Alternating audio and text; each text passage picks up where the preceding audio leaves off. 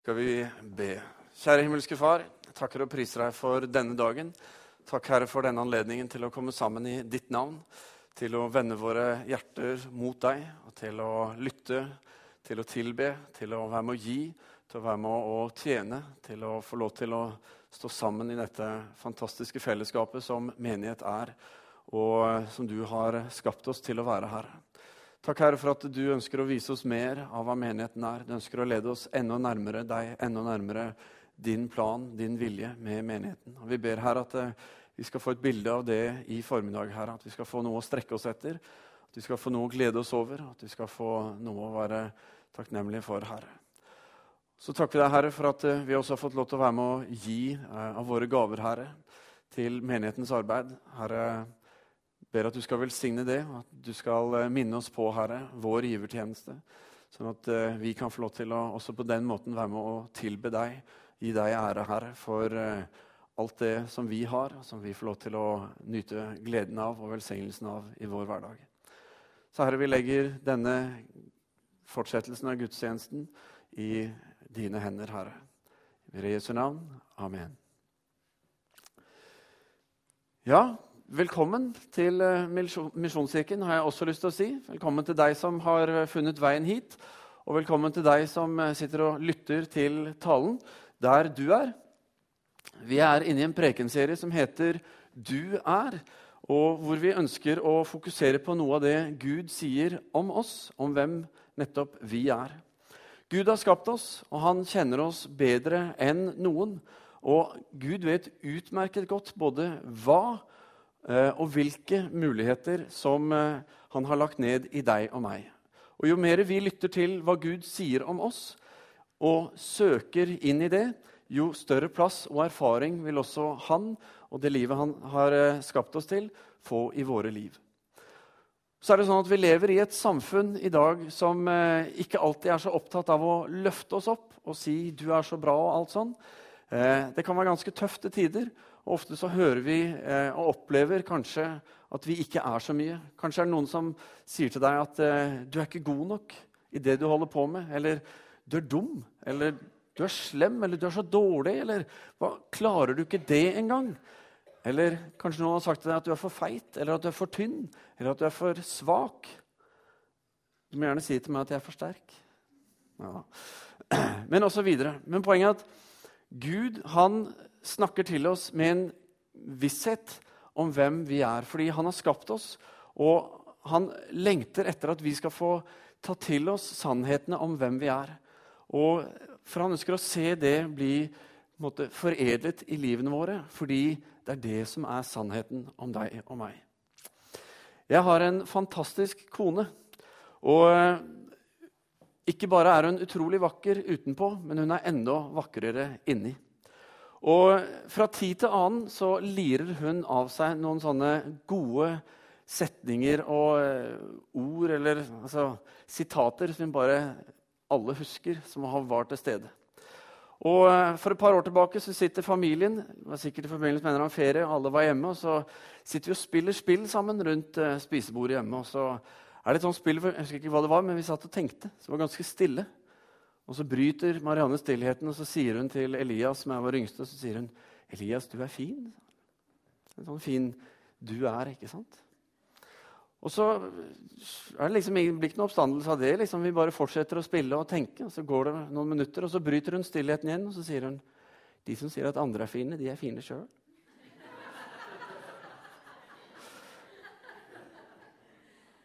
Og det er sånn vi husker. Eller her i påsken, da vi var i New York eh, sammen med Marianne og jeg, hvor vi bl.a. Eh, markerte det at vi har vært gift i 20 år. Eh, hvor hun da ser på meg med sitt kjærlige blikk, og så sier hun Du er som gull blant diamanter, sier hun.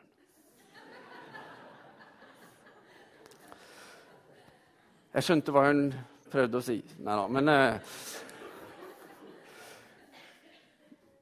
Gud vil at vi skal vite hvem vi er i han. Og for å gjøre det klarest mulig så sendte han sin sønn Jesus Kristus. Både for å vise oss hvem han er, men også for å vise oss hvem vi er i han, i Jesus. I Johannes 17 så eh, ber Jesus Eh, han har en lang bønn, hele kapittelet der. og Hvis vi går inn i den bønnen fra vers 21 og leser par-tre av de versene, så ber han må de alle være ett, slik du, far, er i meg og jeg i deg. Slik skal også de være i oss, for at verden skal tro at du har sendt meg. Den herligheten som du har gitt meg, har jeg gitt dem, for at de skal være ett slik vi er ett, jeg i dem og du i meg, så de helt og fullt kan være ett. Da skal verden skjønne at du har sendt meg, og at du elsker dem slik du har elsket meg. Vi er kalt til et liv hvor vi får lov til å leve ikke bare sammen med Jesus, men vi blir ett med han. Og så er Faderen ett med Jesus. og det er på en måte en konstellasjon der som er mer enn at jeg håper at han er med meg. Men han har faktisk tatt bolig i meg, ikke bare som en liten figur inni hjertet mitt, men i hele meg ved min tro. Og Det betyr at det livet som vi kalles til, livet som Jesus ønsker at vi skal få leve, og som Gud har skapt oss til å leve, det ligner på det Jesus levde. Og som vi sa Forrige søndag så sa Jesus at vi skal gjøre de samme gjerningene som han. Ja, vi skal gjøre større gjerninger enn de. I dag så er temaet 'Du er utrustet'. Og Det handler om at Gud har gitt alle som tror, et minimum av én åndelig gave, eller nådegave, som vi også kaller det. Og Dette er gaver som Gud etter sin gode vilje gir til oss, for at han ønsker at vi skal bruke de i tjeneste for han gjennom menigheten. Jeg har hatt noen år som fotballtrener for eh, han eldste guttungen min. Fra han var ca. 8 og fram til en sånn 12-13 år. Eh, når det begynte med elvefotball og det ble komplisert, da trakk jeg meg. Men i de årene der så fikk jeg liksom se en del av disse unge guttene utvikle seg. Og så er det sånn at du ser fort eh, hvem som har litt sånn egenskap for fotball, og hvem som kanskje du tror ikke har så veldig mye egenskaper for fotball. Eh, og så var det én som eh, måtte Eh, var blant de som ikke måtte, utmerket seg så veldig på banen. Som eh, fungerte tålelig greit. Jeg brukte han i forsvar. Fordi da var det ikke så viktig at han skulle hva skal vi si, eh, behandle ballen så veldig mye. Men han skulle stoppe ballen og få den vekk. Det var liksom oppgaven. Og så var han i tillegg rask, så han klarte å løpe igjen de som eventuelt klarte å finte seg forbi han. Så han var der. Men så skjedde det noe i den gutten etter noen år. Omtrent når han måtte, om det var puberteten eller så, Men han begynte å utvikle gode egenskaper med ball. Han hadde et skikkelig skudd. ikke sant? Kunne skyte fra lange distanser og treffe målet. Og så eh, var han flink til å løpe med ballen i høy hastighet. Flink til å finte. Og dette skjedde så fort over en så kort periode at det var nesten det var sånn snakkis på hver eneste trening. Oi, oi, hva skjer med han, liksom? Så gikk han fra å være en som måte, vi ikke trodde så veldig mye om, som ble plassert et sted hvor han kunne måtte være i bruk litt, til å bli eh, den som var overalt på banen. Altså, han løp ned i forsvar, han var på midtbane, han var oppe og skårte mål. Han var hele veien. Og han var den som ble toppskårer, og han var den som bar laget videre og gjorde at de hadde mange flere seire enn de hadde hatt uten han. Og blant de på laget som vi tidlig tenkte, liksom så for oss at ja, når du begynner på ungdomsskolen, så kommer disse til å gå til en større klubb som Sola osv. Så, videre. så var det ingen av de vi så da, men han som vi ikke så, han var det som på en måte gikk videre. Gud han har lagt ned i deg og meg gaver som vi skal få lov til å eh, bruke, og som gjør at vi kan få gjøre ting som eh, selv ikke vi eller de rundt oss trodde at vi kunne gjøre. At vi kunne være med og være en del av. Der andre har satt sine merkelapper på oss, om hva vi er, og hva vi ikke er, og hva vi burde være, og alt sånn, så kommer Gud med noe helt annet. Og så forteller han oss hva som er faktisk sannheten om oss fra skapelsen av. Han ønsker å hente fram det beste i deg og meg. Og gjennom vår enhet i Jesus så utruster han oss ved sin ånd til å stå i en tjeneste som forandrer verden ett menneske av gangen.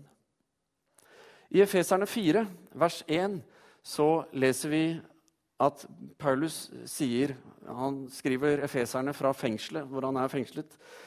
så sier han, så formaner jeg dere, jeg som er fange for Herrens skyld, at dere lever et liv som er verdig kallet dere har fått. Og Så sier han videre, eh, han snakker om disse gavene i Feserne 4. Så sier han videre i vers 12 og 13 om kallet. Og om disse gavene sier han at de er gitt for å utruste de hellige til tjeneste, så Kristi kropp bygges opp. Inntil vi alle når fram til enheten i troen på Guds sønn og i kjennskapet til Han, og blir det modne mennesket som er fullvoksent og har hele Kristi fylde. Det er målet som eh, Paulus sier at Gud har for oss. Å få lov til å ha hele Kristi fylde. Vi er kalt til å ta imot det Gud har gitt oss. Og så er vi kalt til å ære Han gjennom å ta det i bruk i menigheten og ut gjennom menigheten. Paulus sier om menigheten at den er Jesu kropp. Han bruker et bilde på menigheten at menigheten er kroppen. Og så er du og jeg vi er de forskjellige lemmene. Musklene, senene, knoklene og alt mulig forskjellig. Og så er det det vi gjør sammen, som gjør, får dette legemet til å både bli synlig, men også til å fungere godt. Og Vi skal se på fire spørsmål som ofte nå stilles i forbindelse med dette som har med åndelige gaver å gjøre. Og hvordan Gud utruster oss. Og Det første spørsmålet det er hva er en åndelig gave? Og Da eh, skal jeg ta en definisjon på det. og det er at En åndelig gave er en evne som Gud gir av nåde. Derfor også kalt nådegave. Er noe som Gud gir til alle som tror. Undersøkelser som ble gjort av en som heter Christian Schwartz og Naturlig menighetsutvikling for ca. 15 år siden, viste at ca. tre av fire kristne ikke visste hva deres gave var, eller hadde et bevisst forhold til bruken av den. Og det er altfor mye. Bibelen er klar på at dersom vi tror på Jesus, så har vi en åndelig gave. Minimum én åndelig gave. Og så er det nok sånn at Noen av oss bruker gavene våre uten å ha et bevisst forhold til det. Men så er det også sånn at enhver gave som ikke er i bruk, det er et tap for menigheten. Fordi menigheten og den enkelte oss var skapt til å være noe mer. En åndelig gave det er en gave fra Gud som han gir oss ut ifra sin måte, sitt overblikk. Han vet hvem han har skapt i deg, og så vet han hvilken tjeneste som vi skal få stå i. Og så gir han sine gaver etter det. Det er ikke noe du og jeg velger og sier ja, nå har jeg lyst på den og nå har jeg lyst på den. Men eh, samtidig så sier Paulus at vi skal være ivrige etter de største gavene. Og jeg tror han sier det sånn fordi eh, han ønsker måte, å si noe om oss. fordi veldig ofte er det en sammenheng mellom det du og jeg trives med, det vi på en måte lengter etter og har lyst til å se skje. Liksom, kanskje brenner vi for barnearbeid i menigheten. Og så går vi ned og så bruk, er vi med på å gjøre det bedre. Og så har vi kanskje en gave der ikke sant? som Gud ønsker å eh, gjøre oss bevisste på. Og når vi blir bevisst på det, så kan vi bruke den enda mer frimodig. Og, og jeg tror han eh, gjør det for at hva er det som er størst i ditt liv? Hva er det du på en måte lengter etter? For Ofte er det en sammenheng mellom nettopp det.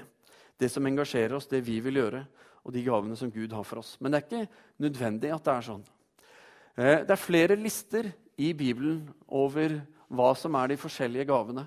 Du finner de i Romerne 12, i 1. Korinterbrev 12 og i Feserne 4. Og alle eh, er forskjellige og har noen likheter. Og så er alle skrevet av Paulus òg, for den saks skyld. Og, disse, uh, og, de gavene som vi får på veggen her, nevnes spesielt. Og det er å tale visdom, formidle kunnskap og tro. alle har vi kalt å tro, men noen har liksom en tro som bare er utrolig mye større og kan på en måte handle på det. Helbrede, gjøre under, tale profetisk, bedømme ånder, tale i tunger, tyde tunger, tjene, trøste, gi, Lede. Vi er alle kalt å gi, men noen bare kan ikke gi nok. liksom. Lede, som sagt, viser barmhjertighet. Apostel, evangelist og hyrde er de vi finner i Paulus sine lister. Og så er det Enten du måte, leser måte, moderne uh, litteratur om nådegaver og leser Christian Schwartz sine bøker, som opererer med 30 gaver, eller du leser Ingulf Diesen, som er på en måte vår kjente uh, måte, teolog, i hvert fall for de som har vært noen år i Misjonsforbundet. Eh, han opererer med 32. Så er det mange som sier at det er flere gaver enn disse 18 som Paulus eh, nevner over disse tre forskjellige brevene. Eh, Ca. 30 er det snakk om. Og Så er da spørsmålet hva er din gave? Og Det leder oss over i det neste spørsmålet. Hvordan vet jeg hva min gave er? Jeg tror den iveren som Paulus eh, måtte hinter til, viser, gir oss et slags signal om hva det er. Eh, men hva er det du kjenner en tilfredshet med å gjøre, og som måte, du også opplever fungerer godt når du gjør det? Det gir en pekepinn som viser mange noe om hva deres eh, gave er. Noen har jobber hvor de er dyktige, hvor de har suksess med det de gjør. Og så får de også lov å bruke de gavene i menigheten. Og så opplever de at Gud legger til. Altså De får gjøre mer gjennom det de allerede kan, eh, i menigheten. Og Det er en måte nådegaven fungerer på. At Gud legger til av sin nåde og gjør at vi får gjøre mer enn det vi kan i vår egen kraft. Og så får de ære Gud med det som de allerede kan. De opplever at Gud som sagt legger til. Å la Gud få lede oss og bruke oss, det forløser nye ting i livet vårt og i menighetens liv. Det finnes tester som du kan ta, hvor du kan svare på en rekke spørsmål om hva du vil, og hva du ønsker deg, eller hva du tror, og osv. Eh, vitenskapelig bygd opp dette her. Eh, hvor du eh, kan på en måte få en indikasjon på hva som er din gave. Selv har jeg tatt gaven, nei, ikke gaven, men testen til eh, Christian Schwartz ved et par anledninger. Jeg tok den jeg var ungdomspastor i Drammen. Så tok jeg den på ny for noen år tilbake her. Eh, og Den heter 'Nådegavenes tre farger', hvor han bygger opp hele nådegavene litt rundt dette med forståelsen også av treenigheten. Men det du skal vite, enten du bruker denne testen, eller du bruker Willow Creek sin, eller du bruker en av de mange andre testene som er der ute, så er det sånn at ingen av disse testene er 100% Sånn at det resultatet du får, er sånn Ok, da skal jeg gå og gjøre dette kan godt hende du skal det. Men det vi anbefaler, er jo at eh, når du tar disse testene, så prøver du ut resultatene. Og vil gjerne invitere deg til å både ta testen og også eh, prate med en av oss i stab, f.eks. Eh, være med på det vi kaller en tjenestesamtale. For Der snakker vi gjerne om, om, dette med gaver. Hvilke gaver har du? Hvordan kan du bruke de? Og Det å være med å hjelpe og veilede i forbindelse med en sånn test vil vi gjerne hjelpe deg med. Og spør du meg da, hvilke gaver jeg har, så vil jeg svare basert både på, eller først og fremst på de tilbakemeldingene jeg får. Eh, og noen av de gavene som jeg opplever at jeg har, har også dukket opp i testene, men ikke alle. Eh, visdom er noe jeg får mye tilbakemelding på. Folk mener at jeg er vis, og det er jo hyggelig. Eh, lede, det å lede. Eh, det å formidle kunnskap og det å være en sjelesørger er litt sånn steder hvor jeg får tilbake. Eh, og eh, det fine er at når en får lov til å formidle og Det er ikke sånn at alt Frode gjør, er vist, eller alt han sier, er til sjelesorg. liksom.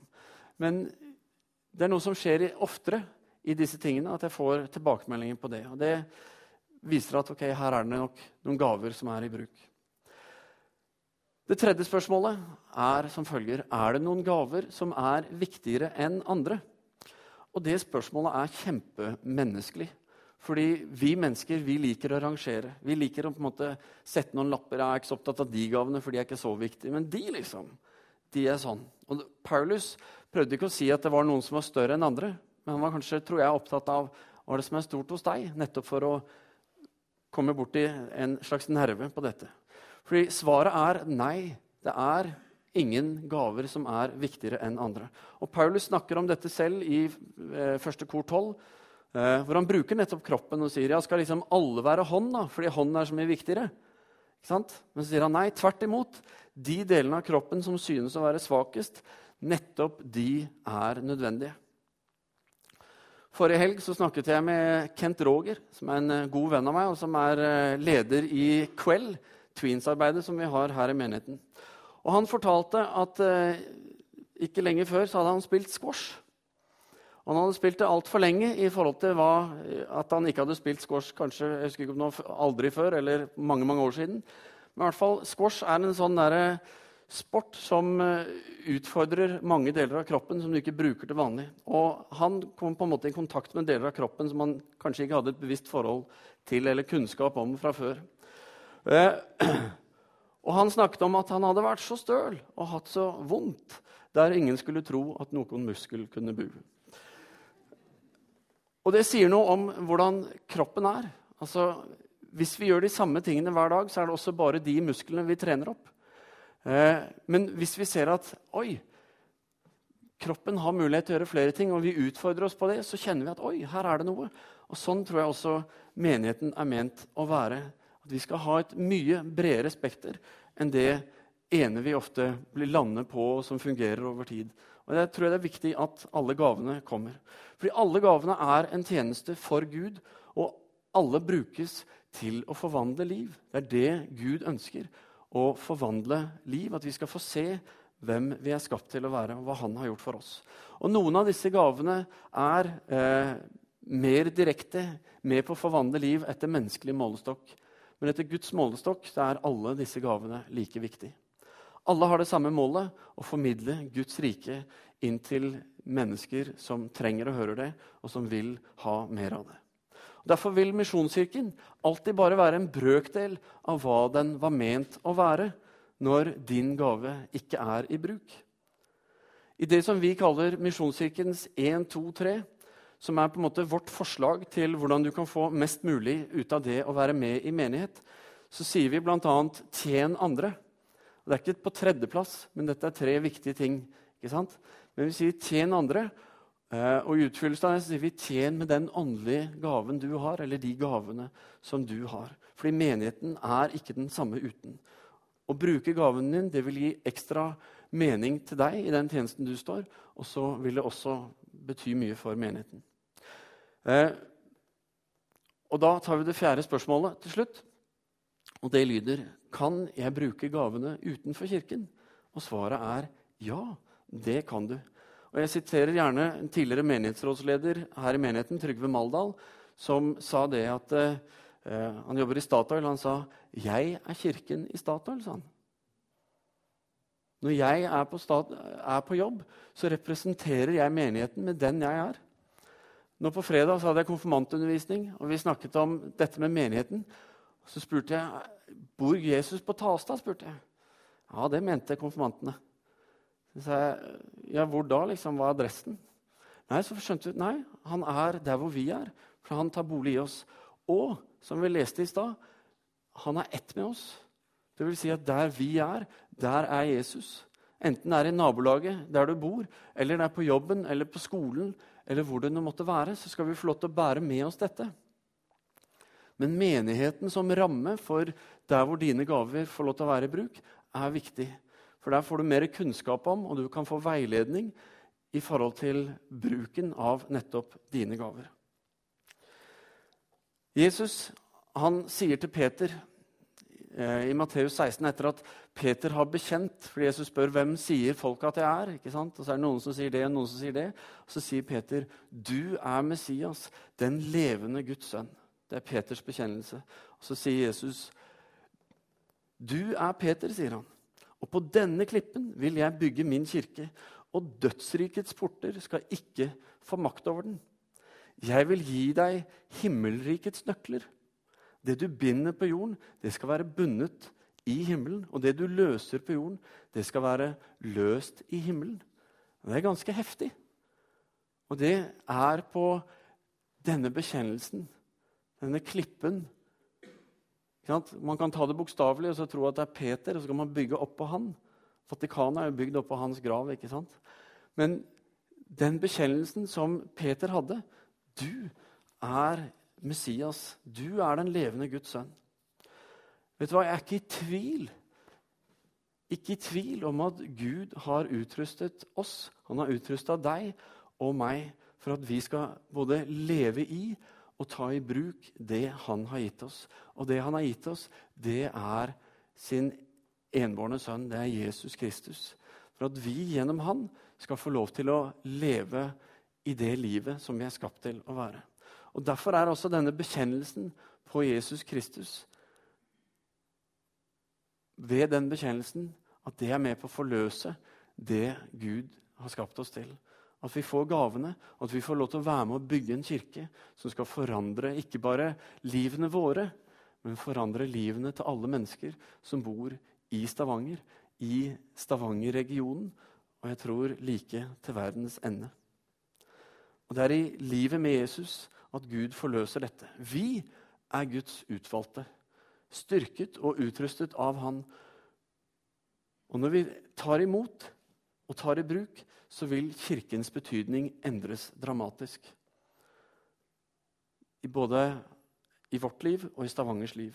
Og Så er spørsmålet kan vi tro det. Vil du være med på det? Jeg tror at denne menigheten, og alle menigheter i byen, for så vidt, har et fantastisk potensial. Fordi Gud har ikke bare sagt at han er med oss, men at han er ett med oss, og at han ønsker å la sitt liv bli forløst gjennom deg og meg. Og når vi kommer sammen og utgjør menighet, da er det skapt til å være så uendelig mye mer. Til å forandre, til å forvandle liv. Og det gleder jeg meg til.